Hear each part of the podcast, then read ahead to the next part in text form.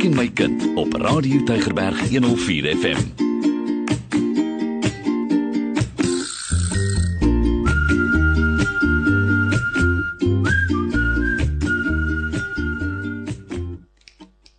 Goeiedag luisters, baie welkom by die program Ek en my kind op Radio Tygerberg 104 FM en ek natuurlik Neville en baie welkom by hierdie interessante gesprek wat vanaand gaan hê, né, Sura?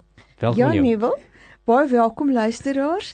Ek dink ons is baie bevoorreg Yes. uh met hierdie gesprek want ons het uh, vandag het ons die hoof van die Wes-Kaap Onderwysdepartement uh, meneer Brian Schreder wat aan ons gesprek deelneem en ons vra vir hom 'n paar vrae. Ons is baie bly om hom in die ateljee te kan hê en ek dink u as luisteraars is baie bevoorreg want ons gaan oor 'n baie breë spektrum praat rondom hierdie koronavirus en die skole en dit wat ons beleef ook rondom onderwys op hierdie stadium in ons land. Meneer Shede, baie welkom by Ek my kind. Baie dankie, goeienaand. Dis lekker om weer hier te wees en ook 'n goeienaand aan julle luisteraars. Meneer Shede, onderwys is in die media elke dag, né? Baie mense het opinies omtrent die kinders wat teruggaan skool toe of dit skole heropen het. Wat is die Weskaap Onderwysdepartement se breë beskouing rakende die heropening van skole en die voortsetting van die akademiese jaar? Eh, Wil u net vir ons 'n bietjie toelig op op, hierdie saak? Ja, dankie. Dis 'n komplekse situasie. Mm. Ons weet dis kompleks. Daar's 'n hele klomp kragte wat meewerk. Daar's 'n klomp aspekte wat 'n uh, ou in gedagte moet hou wanneer so besluit geneem word. Ek wil begin met die bureaukratiese besluit. Die nasionale kabinet, die minister van nasionale onderwys het uh, op aanbeveling van die Corona Bevelsraad besluit dat dit is tyd vir skole om te heropen en dat skole moet heropen op 'n basis dat dit 'n bietjie gespasieer is sodat skole kan leer hoe om die nuwe aanpassings te maak op 'n veilige manier. Dis die een sy van die gesprek. Die ander is dat uh, Suid-Afrika het besluit om redelik vroeg in grendeltydperk te gaan. Anders as ander lande. Die rede daarvoor was gewees om die gesondheidsvlakke en uh, toesig uh, reg te kry om genoeg hospitaalbeddens te hê en so meer. Nou die impak daarvan is dat die sogenaamde piek waarna mense verwys hmm. verander het. Daardie ingryping, daai vroeë ingryping het gemaak dat die piek nie so drasties hoog blyk te wees nie en dat dit eerder 'n uh, 'n platter meer uitgerekte tydperk van infeksie is. Infeksies gaan met ons wees 18 maande, 2 jaar, jy weet die mediese is nie 100% seker nie. Uh, mense moet uit die aard van die saak immuniteit opbou en ensovoorts ons meteen liggaampies kry. So dit beteken ook dat waar daar 'n besluit is dat die ekonomie weer oopgemaak moet word, mense moet weer terug gaan werk toe. Daar's geweldige uh, ellende ook geskep deur die grendeltydperk en die verlenging van die grendeltydperk. So soos die ekonomie moet open, mense weer moet gaan werk ensovoorts, moet alle aspekte van die lewe weer aandag kry insluitend skoolwerk ja. en leer. Mense sê soms jy weeg die akademiese jaar op teenoor die veiligheid van kinders, maar dit is nie so nie. Dit is 'n balans tussen die twee na my mening. En ek dink die Wes-Kaap sê ook aan die een plek verstaan ons die nasionale besluite, aan die ander kant sê ons ook dat navorsing, mediese navorsing en internasionale navorsing wys dat skole nie eintlik die broeiplek hmm. van die virus is nie. En dat kinders wat die oorgrootste meerderheid van die bevolking in skole is, a nie baie toeganklik is tot die virus nie, dit meestal baie um, lig kry en ook nie superdraers van die virus is nie. So ek dink daar's 'n hele gesprek nodig rondom die verstaan van daardie aspekte. Nou daar's ook 'n ander ding en dit is hoe langer skole gesluit bly. Weereens internasionale navorsing, hoe meer kinders hmm. wat dalk grensgeval kinders is, val uit die stelsel uit, verlaat die skool. En dit het 'n geweldige impak op hulle toekoms. So om die balans gehandhaaf te kry om akademie weer te laat hervat en die skool en leer en alles wat gepaard gaan met die rotine van skool gaan, met die rotine van leer, al daardie aspekte moet hou opweeg teenoor die moontlikheid van virus en virusverspreiding. Mm -hmm. So ons sê op een of ander stadium moet skole open as ons dit op die mees verantwoordbare manier doen, is alle aanduidings dat dit nie die grootste probleem is nie. Die virus versprei meer op ander plekke as in skole. Trouwens daar's nie beduidende bewys van verspreiding in skole nie. As 'n mens nou daarna luister, dan hoor jy ook die teenargumente ouers, hulle staan langs die pad en hulle het hulle plakate reg. Beheerliggame tree toe hier toe en hulle klim op seepkuste en hulle het lang toesprake te maak daaroor. En dit klink vir my dit gaan oor tydsberekening. Ek dink daar's daar's 'n samestemming, instemming ja, skole moet weer oopmaak. Skole kan ons nou nie vir altyd uh, toe bly nie. Maar is die tydsberekening die regte tyd? Want dit kyk hoe lyk dit nou daar buite. Uh, dis koud, dis nat. Ons kinders is dit soos dit is, kry griep en moet in in moeilike omstandighede van die huis af skool toe stap en weer teruggaan. En dan is ons nou hier waar ons se getalle nog nog nie afname begin toon nie. Dit gaan genadiglik ook nie baie skerp op nie, maar daar's nog 'n afname nie. So so is dit die regte tyd. Ja wel, weer eens is dit 'n goeie vraag. Uh, en ek dink uh, 'n mens sal die antwoord op regte tyd of nie regte tyd oor jare heen eers hê. 'n Mens moet besluite neem op die stadium waar jy is. En as ou al die faktore wat 'n rol speel in ag neem, wie sê daar's 'n beter tyd? Wie sê dis beter as dit later is? Wel, ek verstaan heeltemal die angstigheid van mense, die angstigheid van ouers byvoorbeeld, die angstigheid van onderwysers wat eintlik nog meer is as die angstigheid van ouers, want ouers wat kinders het, moet gaan werk. Hulle moet inkomste kry, hulle moet geld kry. So hulle gaan koop kruideniersware, hulle gaan winkels toe, hulle gaan aan met hulle lewe. Baie ouers wat baie ongelukkig is, is ook soms by plekke en gemeenskappe waar die reëls nie nagekom word nie, waar daar onverskilligheid is teenoor die gesondheids uh, wat daar moet wees. Ek dink ons moet egter dit wat ons sien in die koerante en dit wat mense opper ook 'n bietjie in balans sien. Ons maak asof dit almal is. Dit is nie. Ons hoor nie die teenstem wat sê nee, kinders moet skool toe gaan nie. Daar was 'n wonderlike geleentheid onlangs en ek kan Kailicha noem byvoorbeeld waar daar ehm um, gemeenskapsorganisasies was wat skole probeer sluit het. En op 'n Sondagmiddag het ouers bymekaar gekom en gesê ons kinders moet skool toe gaan. En nou is die gemeenskapsorganisasie stil want die ouers het besluit my kinders ons kinders moet skool toe gaan. En veral in arm gebiede waar is die kinders as hulle nie in die skool is nie? En ek dink dis ook 'n gebalanseerde vraag wat ou moet vra. Waar is die kinders hoe is hulle beskerm as hulle nie in die skool is nie. En ek dink baie daarvan uh, is ook gerigsteen op op vrese wat ons verstaan en ons probeer die balans handhaaf. En ek sal miskien aan die einde 'n bietjie meer hieroor sê.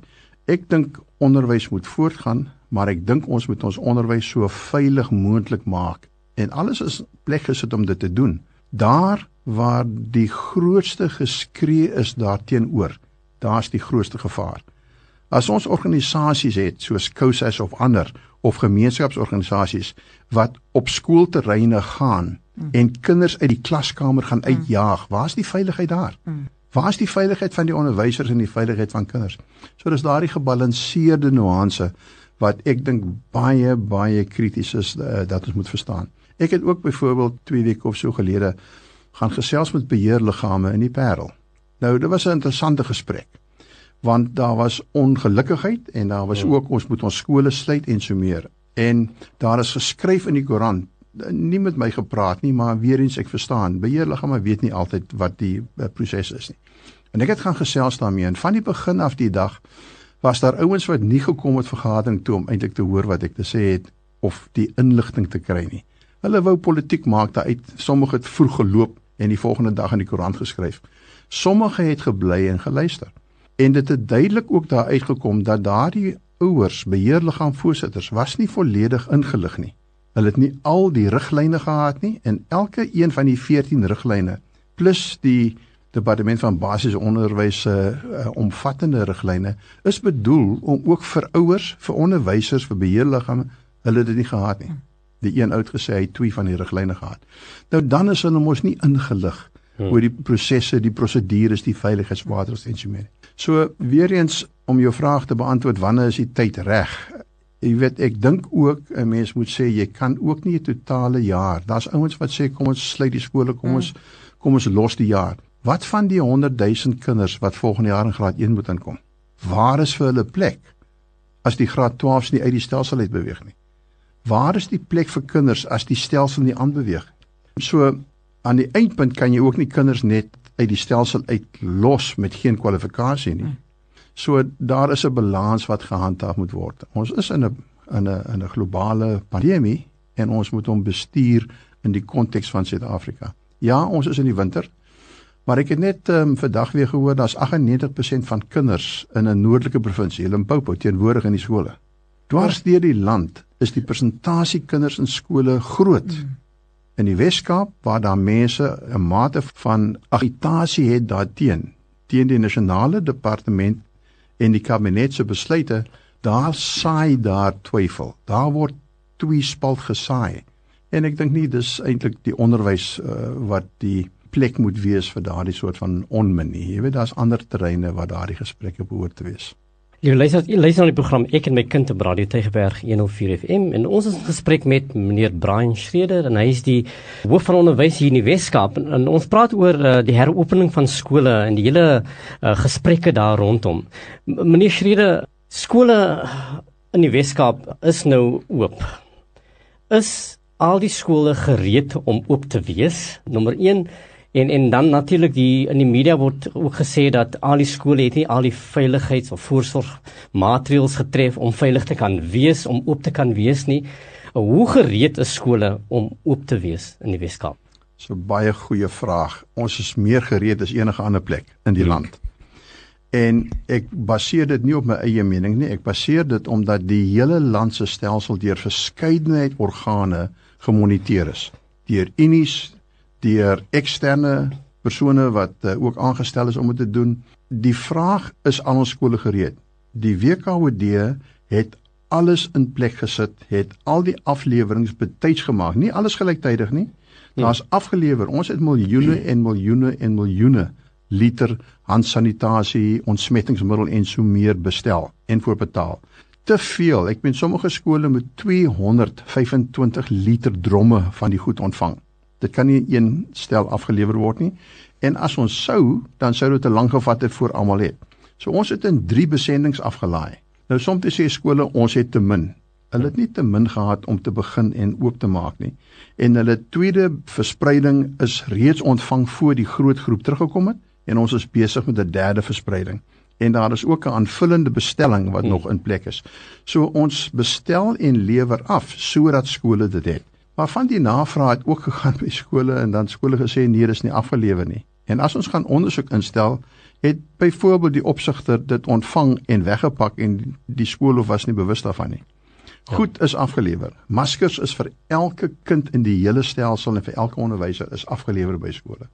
So die gereedheid is daar. Daar's 'n ander faset van gereedheid, nie net die fisiese goed wat afgelewer is nie. En dit is die oriëntering van onderwysers en dit moet skole hoef te gedoen het. En dit is die oriëntering van kinders wanneer hulle terugkom en dit moet die senior bestuurspan van skole gedoen het. En die voorbereiding, gereedheid beteken voorbereiding, die planne van hoe kinders byvoorbeeld gesif word, screening. Hoe hmm. hoe word die screening gedoen en wat is die plan daarmee? Wat is die gesondheidsplan? En as 'n aspek wat nou na vore tree, want dit is 'n dinamiese proses. Wat nou na vore tree is dat elke skool is gevra om 'n tydelike um, hersiene onderwysplan in te dien. Ja. En die rede daarvoor is omdat ons die veilige afstande tussen kinders wil handhaaf. En om dit te kan doen beteken dit dat ons skole sal nie alle kinders gelyktydig elke dag by die skool kan hê vir die afsienbare toekoms nie. vir die volgende paar maande nie. So 'n skool moet planne beraam volgens sy eie konteks of hy alternatief eendag aan eendag af eendag aan eendag af wil hê sodat kinders al op alternatiewe dae kom of as dit 'n baie oorvol skool is, miskien een keer in 3 dae.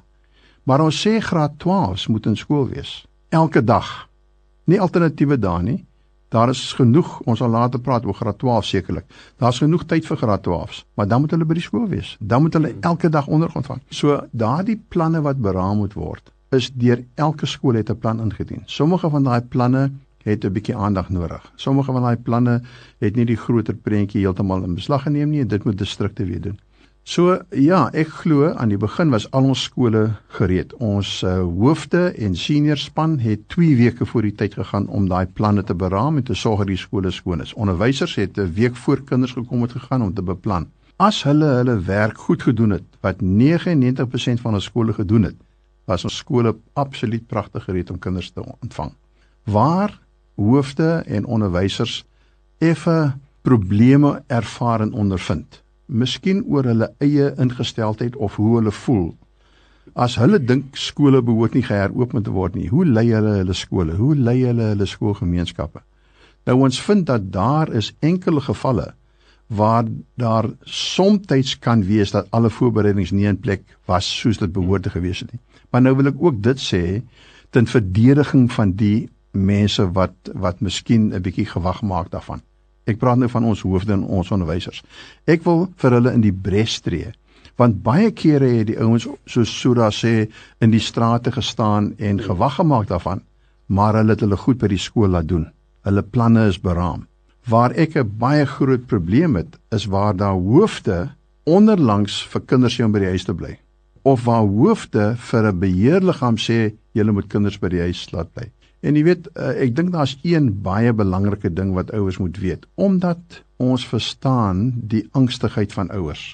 Het ons in die in die regulasies laat inskryf wat die nasionale minister gepubliseer het dat 'n ouer die reg het om tydelik sy of haar kind by die huis te hou maar hulle het dan verantwoordelikhede oor daardie kind se leer.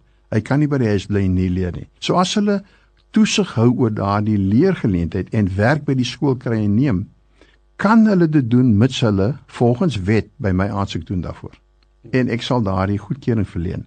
Maar waar die probleem is, is as een ouer vir 'n ander ou probeer sê jy mag nie jou kind by die skool hê nie of 'n organisasie wat nie eers kinders op die skool het nie probeer sê vir ouers of kinders julle mag nie in die skool wees nie. Of 'n organisasie wat in 'n skool ingaan en kinders uitjaag. Of 'n organisasie wat op 'n skoolterrein gaan en onderwysers dreig en sê julle 10 minute om van die skoolterrein af weg te beweeg. Ek het sulke bewyse. Nou ek meen dis mos laakbaar. Dit is nie in diens van 'n land se onderwys nie. En dis daai klein groepie. En julle sê nou jy weet daar's baie, dit is glad nie baie nie, dit is 'n klein groepie. Ek sê weer 90-90% van ons skole is besig om elke dag onderrig te gee. In die winter, in die reën, in in die konteks. Dis 'n klein groepie wat probleme het en wat wat 'n bietjie soms die verkeerde maniere volg. Pleks van om in gesprek te tree met my. As ouens soos die Parel in gesprek getree het met my, dan verstaan hulle die konteks en hulle kry die inligting. Dis ouens wat dit nie wil doen nie. Dis ouens wat vir ander redes ehm um, jy weet 'n bietjie ontwrigting wil wees. Meneer het nou verwys na die hierdie van die van die kinders wat nou terugkom ingefaseer en mevrou Msheka het nou van die 6de Julie af het sy dit nog verder uitgerek en nog minder kinders wat op 'n slag terugkom. Ek het eintlik twee vrae wat ek nou wil vra, die een na aanleiding van van die tuisonderrig en die ander een nou na aanleiding hiervan. En rondom die tuisonderrig as die ouers nou daarvoor aansoek doen, Beteken dit dat hulle weer hulle kinders sal kan inskryf in die skool sê nou maar volgende jaar. Sê nou maar hulle besluit hulle wil hulle kinders nou vir hierdie laaste 6 maande by die huis laat bly en en sal hulle dan weer volgende jaar hulle kinders kan inskrywe by die skool sal daar weer vir hulle plek wees. Dis my een gedeelte na aanleiding van wat jy gesê het. En die ander wat ek wil vra is as ons die jaar so uitrek gaan leerders genoeg blootstelling aan die kurrikulum kry om hulle voor te berei vir die volgende graad waarna toe hulle moet gaan. Want party van hierdie kinders gaan nou eers Augustus maand in die skool kom. Twee baie goeie vrae Sura. Kom ons neem eers die ene van van tuis en tuisonderrig en so meer.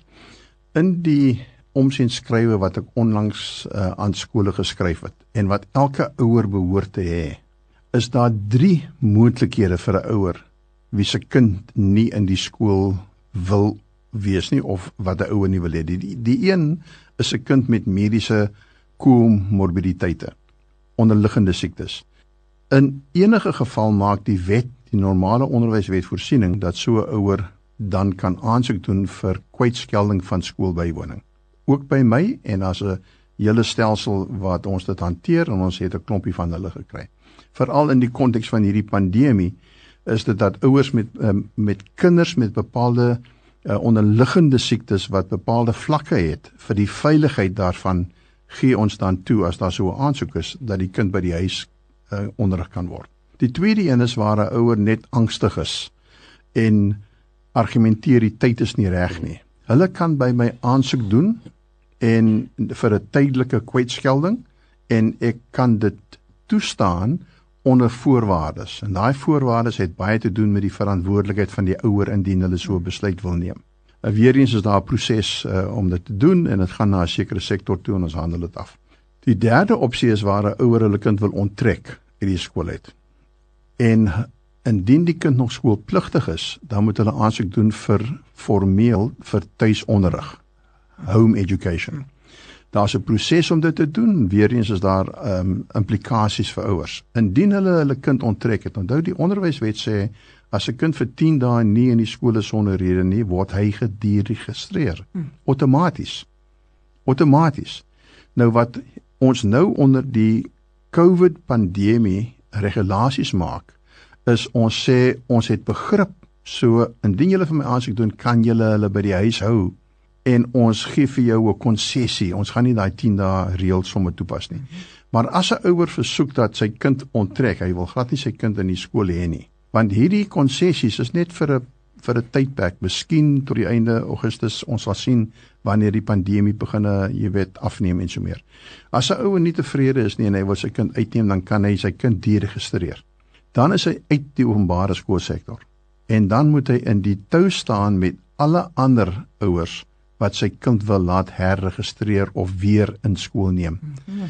En omdat ons in die Wes-Kaap groot uitdagings het met genoeg onderwysplekke met die getal leerders wat elke jaar eh, by die provinsie se getal bygevoeg word en ons nie genoegsame geld het om heeltyd skool te bou nie beteken dit dat daardie ouer het dan nie outomatiese terugkeer reg tot 'n skool nie. Aha. En hulle moet aansoek doen hmm. soos alle ander ja. ouers moet aansoek doen vir 'n plek in 'n staatskool ons sal uit die aard van die saak hulle as hulle skoolpligtig is probeer huisves want dit is ook ons verpligting om dit te doen. So dis die aspek rondom die die tuisonderrig en en ek kan verder praat oor die verantwoordelikhede en so meer wat ouers het. Die ander aspek oor die kurrikulum is 'n belangrike een. Baie belangrike een want mense dink dat die totale kurrikulum van die jaar moet ingehaal word. Ons reken nie dis billik op of die kind of die onderwyser in die konteks van 'n globale um, of 'n wêreldwye pandemie nie. So wat ons sê is dat waar kinders tyd verloor het, het ons met die nasionale departement gereël dat die kurrikulum ingekort word. Hulle praat van curriculum trimming. Ons mening is dat die kurrikulum nie genoegsaam getrim is vir elke graad wat dan nou later en later bykom nie. Maar daardie trimming is daar. Die Weskaap sê die inhoud van 'n kurrikulum is nie wat 'n jaar se kurrikulum alles behels nie. En ons het gesê vir die nasionale departement en ook ons eie kurrikulumkundiges gesê bepaal vir ons wat die nodige vaardighede is die nodige competencies en skills hmm. nodig is vir verdere leer in die volgende jaar en gebruik net daardie inhoude wat dan nodig is om daai vaardighede vas te lê hmm. want die draad deur die kurrikulum oor jare heen is juis die vaardighede hmm. en die bevoegdhede en vaar nie so seer die inhoudskennis nie So daar's geen manier wat ons wil aandring dat die inhoudskennis van die jaar se kurrikulum vir alle kinders moet ingeskerp word nie. Dit is nie moontlik nie. En ons lewe in 'n uitsonderlike tyd en ons gaan nie daai druk op ons onderwysers in die Weskaap plaas om dit te doen nie. Ons wil hê onderwysers met hulle professionele integriteit gebruik om ook die riglyne van die kurrikulum soos aangepas effentjies benut in hulle eie konteks. Waar die uitsondering is is graad 12 want graad 12 moet 'n eindeksamen skryf. Die vraestel is reeds opgestel byvoorbeeld, jy weet, dis 'n 18 maande siklus vir graad 12 eksamen. Die standaarde word ekstern gehandhaaf. Nou die nasionale departement het uh, gesê in gesprek met die verskillende departemente dat hulle moontlik die eksamen wil later laat begin om ekstra dae vir matriek te gee. Hmm. En tweedens, as ons kyk na die inkorting van die vakansies wat ook 'n redelike stresvolle aspek vir onderwysers is. Maar die inkorting van vakansies vir die res van die jaar en die effens verlengde skooltyd vir matrieks dan beteken dit dat hulle meer daaroor het voor die eksamen begin as wat hulle verloor het. En derhalwe mits matrieks terug is in die skool, mis onderwysers voluit gaan, mits ons vir die leerders wat effentjie swaar gekry het, Saterdag ekstra klasse gee en so meer, is daar oorgenoeg tyd vir matrieks om effektief hulle matriekeksamen te kan aflê. En ouers weet dit dalk nie, maar ek is nog betrokke by Umalusi en by die standaardiseringsproses en ek sal alles in my vermoë doen om te sorg dat die matrieks nie nadelig geraak word nie en dan daar kompenserende maatreëls sal wees gegee die feit dat ons in uitsonderlike omstandighede vir jaar werk. Dis die die aspek van die van die matrieks en die matriekeksamen. Maar vir die res is die kurrikulum inhoud nie die kritiese aspekte vir graad 1 tot graad 11 nie. Waar ek effentjies bekommerd was oor die laat terugkeer of laat ek so sê, hoe langer jou grondslagfase onderwysers uit die skool uit is, hoe groter is die langtermyn dilemma vir hulle. Want in jou grondslagfase word die uh, vaslegging van lees verleer die vaslegging van taal, die vaslegging hmm. van die wiskundige manipulasies en konsepte is krities in die hmm. grondslagfase en hoe langer daai nie daar is nie, hoe groter die dilemma vir kinders se leer in die toekoms en ons sal moet sorg en ons sal in die Weskaap dat ons waar ons nou 'n aangepaste 2020 het, sal 2021 nie net sommer vir almal aangaan nie, dit sal ook 'n aanpassing maak sodat daar 'n oorbrugging is. Hmm sodat ons sorg dat die konsepte nie verlore gaan nie, maar dat ons daardie daardie draad deurtrek deur die skool. Meneer, dit moet seker vir baie luisteraars baie gerusstellend wees om te hoor dat daar's 'n baie duidelike gestruktureerde plan in plek om toe te sien dat dat die kurrikulum bedryf gaan word dat matriek skryf wat hulle moet kry en daar's nog tyd daarvoor en waar ons die kurrikulum kan trim, gaan dit getrim word So so die die planne is is baie duidelik, maar die COVID-19 pandemie was uiters traumatiese ervaring vir vir die hele wêreld, né? Nee? En ek dink uh, um, een van die groot dinge wat vooraan die lyn staan is is die vrese wat wat mense het. Uh die vrese wat mense het om hulle kinders skool toe te stuur die vrese wat wat onderwysers het dat hulle siek gaan word en daar's ook 'n beriggewing gedoen dat dat baie onderwysers met comorbidities nog nie by die skool opgedaag het nie en dat onderwysers siek geword het en intussen. So daar's bepaalde vrese wat deel is van van hierdie hele arena waar skool bedryf word. Wat gaan die WKOD in plek sit om toe te sien dat die psigososiale behoeftes van van onderwysers en leerders aangespreek word. Is daar 'n duidelike plan in plek om dit te kan doen? Ja, verseker dit is so. En laat ek net eers weer sê dat weer eens verstaan ons die groot druk wat daar is op uh, onderwysers en leerders, maar ook op ouers, hmm. die die vrese en ons is in 'n pandemie. Ons is nie in 'n gewone konteks nie. Ek het dit al soveel keer vanaand gesê en ek sal dit nog weer sê. Die impak daarvan, ons sien mense siek word ons sien mense afsterwe. Ons sien die getalle op die televisie. Ons sien die die ongerusheid. Al daardie faktore speel 'n rol op 'n mens se siege. Nou my dilemma is dat as onderwysers nie sterk in hulle gemoedstoestand is nie en as ouers nie begrip het van waar ons staan en dat die onderwys sy planne het wat nie sy kind gaan benadeel nie.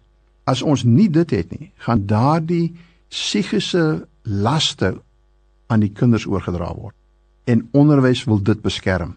Hmm. Dis nie reg dat ons as volwassenes, veral onderwysers wat met kinders werk, dat ons ons vrese en ons bekommernisse op kinders oordra en die kinders die ek wil amper sê eindpunt van die dilemma hmm. word nie. En dis hoekom ek 'n beroep doen op onderwysers asseblief ons is in elk geval akteurs. 'n Goeie onderwyser is 'n goeie akteur ons is elke dag in die klaskamer uh, speel ons rolle. Ons moet asseblief ook die rol speel van die ouerlike figuur wat die kind koester en en 'n bietjie die kind afsper van die werklikhede van die diepte van die van die uh, psigiese en sosiale impakte van die van die pandemie.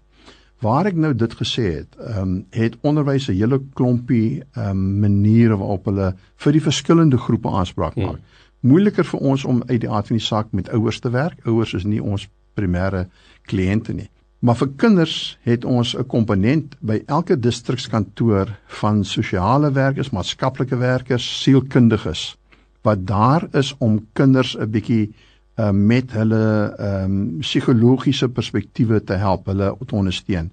En die gedagte is dat elke distrik se sielkundige groepe maatskaplike en sielkundige groepe van tyd tot tyd na skole toe gaan veral by daardie skole waar daar geïdentifiseerde trauma is en daar ook trauma berading vir kinders moet wees Maar ons weet dat die onderwysers is in 'n groter dilemma as die kinders. Hmm.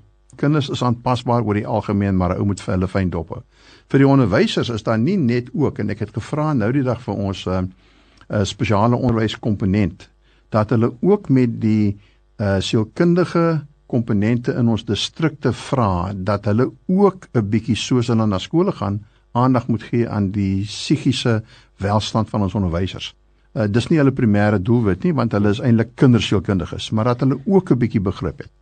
Maar belangriker nog is ons het 'n uh, vernoot in die onderwys in die Weskaap uh, waar enige onderwyser kan inskakel vir gratis ondersteuning op 'n hele terrein van uh, dis 'n eksterne, dis 'n uh, eksterne uh, mediese vernoot wat uh, ook sielkundige dienste en trauma dienste onder andere bied gratis aan onderwysers. Mm -hmm. Ons nooi hulle, daardie nommer is beskikbaar. Ons nooi hulle om ook in te skakel anoniem as hulle wil of vir ondersteuning of verwysing as hulle wil. Dis belangrik, dis baie belangrik.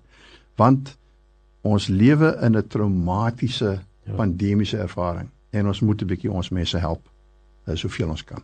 Ek, ek dink dit is baie gerusstellend ook vir ons ouers want dit is so daar is kinders wat al verlieservarings gehad het in familie. Ek ehm um, kan my herinner uh, dat dat in ons kantoor ons 'n verwysing gekry het oor 'n oor 'n kind wat nou toenemend wil sy hande saniteer en oorbewus raak van die hele aspek om, omdat hy familie verloor aan as gevolg van hierdie virus.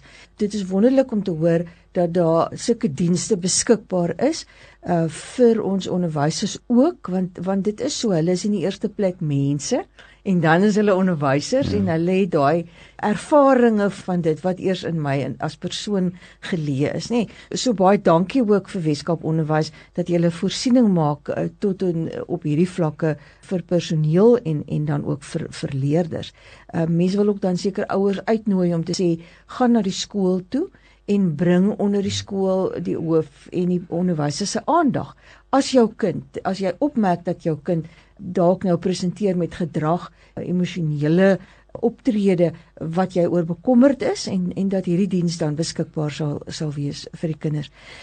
Minister, u het nou al verwys na die matrikulante en ek wil nou ons tyd loop nou uit. Net 'n laaste vraag wat ek daaroor wil vra want want dit is op ons almal se harte. Daar is nog tyd vir die ander kinders, maar vir ons matrikulante is die tyd en dis ek dink vir hulle baie moeilik, want matriek is jou hoogtepunt van jou skoolloopbaan. En ons praat baie in hierdie program oor die kind wat dit gemaak het tot 'n matriek. En dat dit eintlik so 'n ongelooflike prestasie is gesien die uitvalsyfer wat ons dwars oor die land het. Ehm um, maar nou is al daai goed waarna ek uitgesien het in matriek is dit daar nie. En ek ek dink dit het 'n uh, effek op ons matrikulante. Dit veroorsaak dalk dat hulle voel, maar waarvoor gaan ek terug skool toe? Wat is dan nou eintlik vir my in hierdie hele game om nou te gaan sit en en hard te werk? Van van u kant af, hoof van van onderwys in die Wes-Kaap. Watter boodskap het u vir ons matrikulante en hulle ouers oor oor hierdie matriekjaar? Ek sal nou nou dit sê. Ek wil ek wil net gou-gou sê die feit dat 2020 'n uitsonderlike jaar is beteken wel dat daar vir baie matrieks ehm um, uh, teleurstellings is in die konteks van hulle het uitgesien na matriekafskeid, hulle het uitgesien na finale jaar en sportspanne en keuses en so iets. Ek het groot begrip daarvoor, maar dit sal ook uitstaan as 'n historiese jaar. En hierdie selfde matrieks sal terwyl hulle bepaalde teleurstellings en verliese het, sal hulle ook onthou hierdie historiese jaar in hulle lewe vir die res van hulle lewe.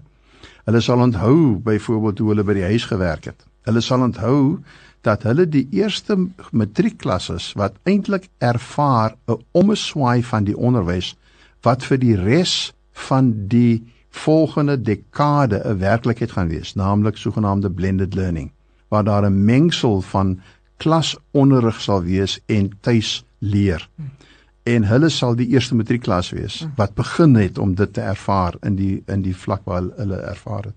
Daar's ander goed ook. En dit is ek is baie teleurgestel dat hierdie jaar eintlik 'n stokkie in 'n mate voorgesteek het ons uh, transformeer om te presteer strategie. Transform to perform strategy. Want daai strategie het ten doel onderliggend om vir al ons onderwysers 'n ingesteldheid te gee, 'n mental attitude te gee wat hulle versterk op persoonlike vlak om te kan vooruitkyk om innoverend te dink en om anders te dink en om probleme te hanteer. En as ons onderwysers in al ons personele dit reeds gehad het, het hulle hierdie trauma eintlik makliker hanteer vir jaar. En so die volgende 2-3 jaar gaan ons harde aan werk om nog steeds vir al ons onderwysers dit te gee. Dis 'n belegging in ons onderwyskorps. Vir matrieks vir leerders in ons skole is deel van die transform to perform strategy om ook 'n positiewe ingesteldheid te kry. En daardie positiewe denke, growth mindset, 'n positiewe denke is iets wat ons matrieks moet hê. Nou die boodskap wat ek vir hulle en vir hulle ouers het, is die realiteit van 'n pandemie waarin ons leef met die realiteit van 'n hele klomp aspekte wat anders is. Nou ons praat van 'n new normal. Beteken ook dat ons matrieks maklik in sak en as kan gaan ja. sit. Terwyl dit juis die tyd is waar hulle so positief, aktief en energiek moet werk aan hulle toekoms meer as ooit tevore. Daar's genoeg tyd om dit te doen vir hulle as hulle regtig waar alles insit nie paniekerig raak nie, maar eintlik ek wil amper sê lewenslustig dink dat die volgende 2-3 maande in hulle lewe is 'n wonderlike geleentheid om vir hulle so goed moontlik voor te berei in 'n konteks wat anders as enige matriek is. Dis 'n unieke ervaring wat hulle het. En ek wil graag vir hulle sê as hulle net positief ingestel is oor die realiteit, dan is ek oortuig sal hulle ook sukses behaal en e, selfs meer versterk wees vir hulle verdere uh, onderwysloopbaan, vir hulle verdere leer en vir hulle lewe. Vir ouers wil ek dieselfde sê. Asseblief ouers, ondersteun julle matrieks en neem die las van bekommernisse bietjie af van hulle af. Skep vir hulle die geleentheid en 'n toekomsblik wat sê hier is 'n kans en 'n geleentheid go for it. Plaas daarvan dat ons ons bekommernisse op hulle plaas en hulle remmend dis 'n uh, remplaas op hulle normale uitbundige leergeleentheid.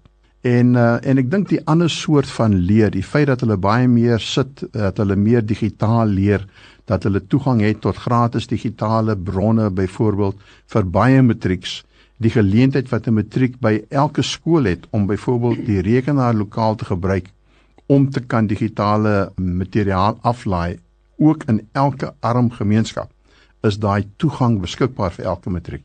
Hulle moet dit net gebruik. My boodskap aan hulle is min daar vasbyt. Hier is nog baie geleenthede vir julle voor. Nishida as as onderwyshoof het ons nou hierdie moeilike jaar of ons beleef dit nog steeds. Wat is die positiewe wat u baie graag uit die hele slegte situasie sou wil uitlig wat moontlik 'n uh, 'n vaandel sal wees wat ons kan dra die toekoms in. Uh, wat is dit wat wat wat u sien skyn uit die hele donkerte?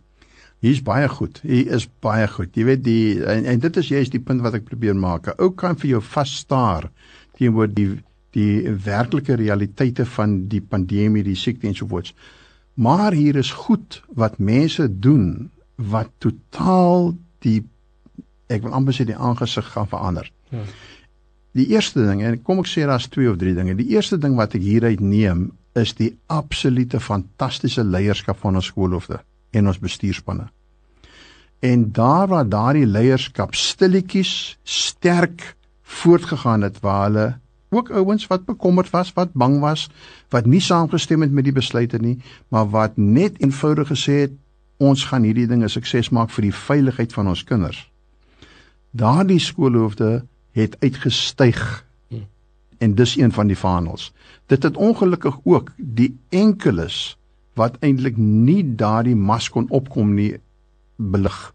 En die WKWD gaan alles in hulle vermoë doen om steun vir daardie ouens te gee wat uh, nie daardie selfde resilience getoon het en leierskap getoon het nie. En dis 'n klein groepie maar die vaandel vir my is die sterk positiewe leierskap op elke terrein, klein skooltjie, plaaskool in in 'n in 'n konteks in 'n in 'n dwelmgebied in 'n in 'n gangstergebied in 'n arm gebied in 'n township oral het hierdie krag absoluut uitgestyg en dis vir my een van die dis waarskynlik 'n riem onder die hart wat ek saam in my aftrede sal neem.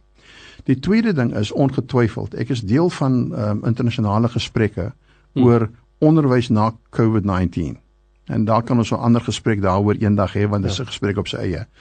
Ek is geen twyfel dat die dat die aard van onderwys nooit weer dieselfde gaan wees nie. Nooit weer nie. Ons gaan nie weer terug na papiergebaseerde klaskamer eentonige onderwys nie. Ons is in die Weskaap bevoorreg dat ons het nou al 'n klompie jaar die e-leerstrategie geloop. As daar een ding is wat hieruit kom, is dit die onderstreping van dat ons dit moet versnel. Ons moet vir ons arm kinders groter en vinniger toegang gee. Ja. En ek het geen twyfel daarin dat daardie en ek het vroeër gepraat van blended learning daardie blended learning konteks waar kinders baie meer by die huis gaan leer, baie meer toegang gaan hê en dit meer tutoriale ondersteuning in die klaskamer gaan hê as andersom.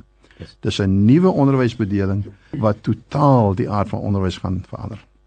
Nou voor jy hulle klaarmaak, as jy hulle wil klaarmaak want dit lyk jy wil wil graag 'n laaste ding sê, mag ek? Ja, yes, ek wil graag 'n laaste ding sê en dit is daar is die twee fasette. Die een is moet onderwys voortgaan moet skole oop wees. Die ander een is hoe hanteer ons die veiligheid van ons kinders en ons onderwysers? Ja.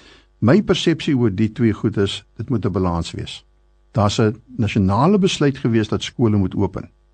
Nou moet ons dit doen met 'n aggenome dat elke kind nie elke dag in die skool gaan wees nie want ons gaan alternatiewe metodes hê, maar ons moet dit doen met absolute hoë vlak veiligheid van gesondheids- en veiligheidsmaatreëls in plek. En hierdie balans gaan beteken dat ons beide die jaar gaan red wat nie vir my die primêre doel is nie, maar ons moet kinders in skole kry. Dat ons dit gaan regkry terwyl ons terselfdertyd ook die gesondheid van ons gemeenskappe gaan kry. Ja. Ek sien hoe ons van die goed wat kinders in skole geleer word ook by hulle ouerhuise leer en hoe hulle derhalwe dit ook uitdra na gemeenskappe toe. Ek dink dit is die eh, die uitdaging en ek dink ons slaag nie te sleg daarin in die Weskaap nie. Baie dankie. Ek dink uh, elkeen wat nou uh, geluister het na hierdie gesprek kan nie anders as om weg te stap met die gedagte dat hier word op 'n beredeneerde logiese wyse beplanning gedoen en hier is nie 'n klomp emosionele hals oor kop besluite wat geneem word nie. En en ek en ek hoop dit uh, gee vir u as luisteraars ook 'n gevoel van veiligheid want dit is wat ons in hierdie dae die nodigste het om hmm. om om te kan hê. En ek dink dis wat ons so omgooi is dat ons daai gevoel het van nie veilig wees nie. Hmm. Maar ek dink uh, elke ouer wat geluister het uh, kan kan voel maar ek kan my kind met veiligheid skool toe stuur want vanuit die besluite wat geneem word word so 'n raamwerk geskep. En dan is dit net elke een se verantwoordelikheid om daai riglyne tot uitvoer te bring. En en daarvoor dink ek moet moet elke ouer of homself verantwoordelikheid neem en hy moet sy kinders leer om dit vir hulle self ook as verantwoordelikheid te neem. En Baie daar dank. en daar waar dit nie gebeur by skole nie, moet ouers dit onder my aandag bring. Want dat ons kan regstel as dit nie gebeur nie. Goed, daar's die uitnodiging vir u. Meneer, baie dankie. Baie dankie saamgekyk op Ekende Kind. Absoluut my plesier. Baie dankie aan almal van julle en sterkte ook aan ons ouers en julle luisteraars. Uh, pas julle op, uh, pas die reëls toe uh, en staan sterk. Dankie. Dankie en totsiens. Tot